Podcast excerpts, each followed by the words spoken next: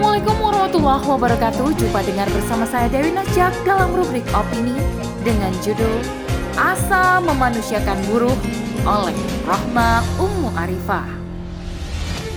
Terdapat peran negara yang besar dalam pemenuhan kebutuhan buruh ini. Negara memastikan setiap perusahaan atau pemberi kerja memperlakukan buruh dengan layak. Buruh haruslah dianggap sebagai bagian yang mempermudah usaha sehingga harus dihargai dengan baik. Buruh juga mendorong perusahaan untuk memberikan imbalan yang layak dan setimpal dengan manfaat yang diberikan buruh kepada perusahaan. Selengkapnya, tetap di podcast Narasi Pos Media.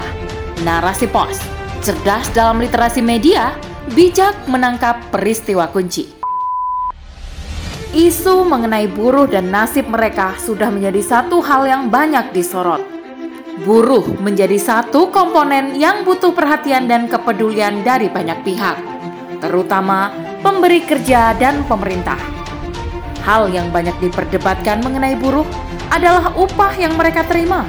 Pemberian upah ini menggunakan asas yang dikenal dengan upah minimum, yaitu perhitungan batas bawah atau upah terendah yang ditetapkan oleh pemerintah dan dibayarkan kepada buruh atau pekerja dengan masa kerja kurang dari satu tahun. Sedangkan untuk upah pekerja atau buruh dengan masa kerja satu tahun atau lebih digunakan struktur dan skala upah sebagai acuan. Penetapan upah minimum ini terdiri atas UMP dan UMK. UMP atau upah minimum provinsi adalah upah minimum yang berlaku di seluruh kabupaten atau kota di dalam satu provinsi. Sedangkan UMK atau upah minimum kota merupakan upah minimum yang berlaku dalam sebuah kabupaten atau kota. Tentu saja, di setiap daerah akan memiliki perbedaan dalam penentuan UMP dan UMK ini. Dasar yang digunakan untuk menentukan besaran keduanya adalah pertumbuhan ekonomi daerah atau inflasi kabupaten atau kota yang bersangkutan. Gubernurlah sebagai pejabat daerah yang memiliki wewenang dan hak untuk menetapkan besaran upah minimum ini melalui keputusan gubernur. Penetapan UMP haruslah dilakukan paling lambat 21 November pada masa tahun berjalan. Dalam rangka mendukung peningkatan kesejahteraan para buruh, pemerintah pusat telah mengeluarkan keputusan tentang kenaikan upah minimum provinsi atau UMP 2022 rata-rata sebesar 1,09 persen. Dalam penetapan upah minimum tersebut, Undang-Undang Nomor 11 Tahun 2020 tentang Cipta Kerja dijadikan sebagai acuan atau dasar dalam pengambilan keputusan. Undang-undang ini telah diturunkan melalui peraturan pemerintah atau PP Nomor 36 Tahun 2021 tentang pengupahan. Dinamakan sebagai upah minimum, tentu saja ini adalah perhitungan minimum dari kemampuan upah untuk memenuhi kebutuhan harian seorang buruh. Telah nyata Upah buruh yang diberikan dengan perhitungan ini hanya mampu untuk mencukupi sebagian kebutuhan mendasar para buruh, belum sampai pada level pemenuhan yang layak bagi mereka. Karena itulah, sering kali buruh ini turun ke jalan untuk menyuarakan nasib mereka agar pejabat pemerintah yang masih mempunyai hati untuk mendengar aspirasi dan keluhan hati mereka. Kemudian akan dituangkan dalam bentuk peraturan yang lebih memihak mereka.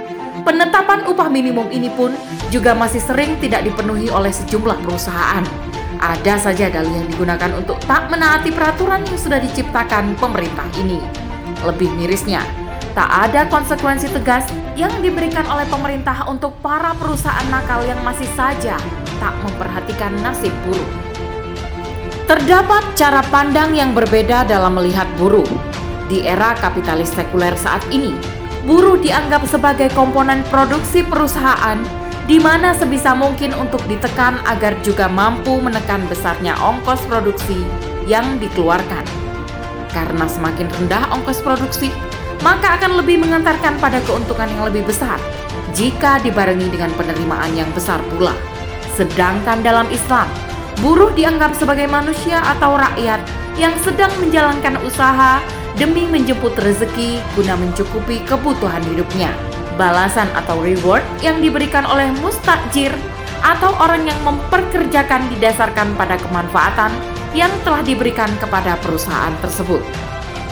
Jika pada satu kondisi upah yang diberikan oleh perusahaan atau mustakjir ini ternyata tak mampu untuk mencukupi kebutuhan mendasarnya, yaitu kebutuhan sandang, pangan, dan papan, seorang ini layak untuk dikategorikan sebagai fakir, sehingga dia berhak untuk menerima zakat.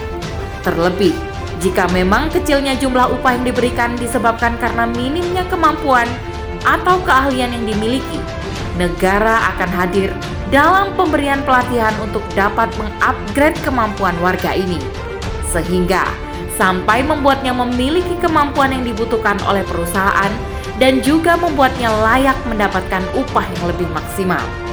Terdapat peran negara yang besar dalam pemenuhan kebutuhan buruh ini. Negara memastikan setiap perusahaan atau pemberi kerja memperlakukan buruh dengan layak.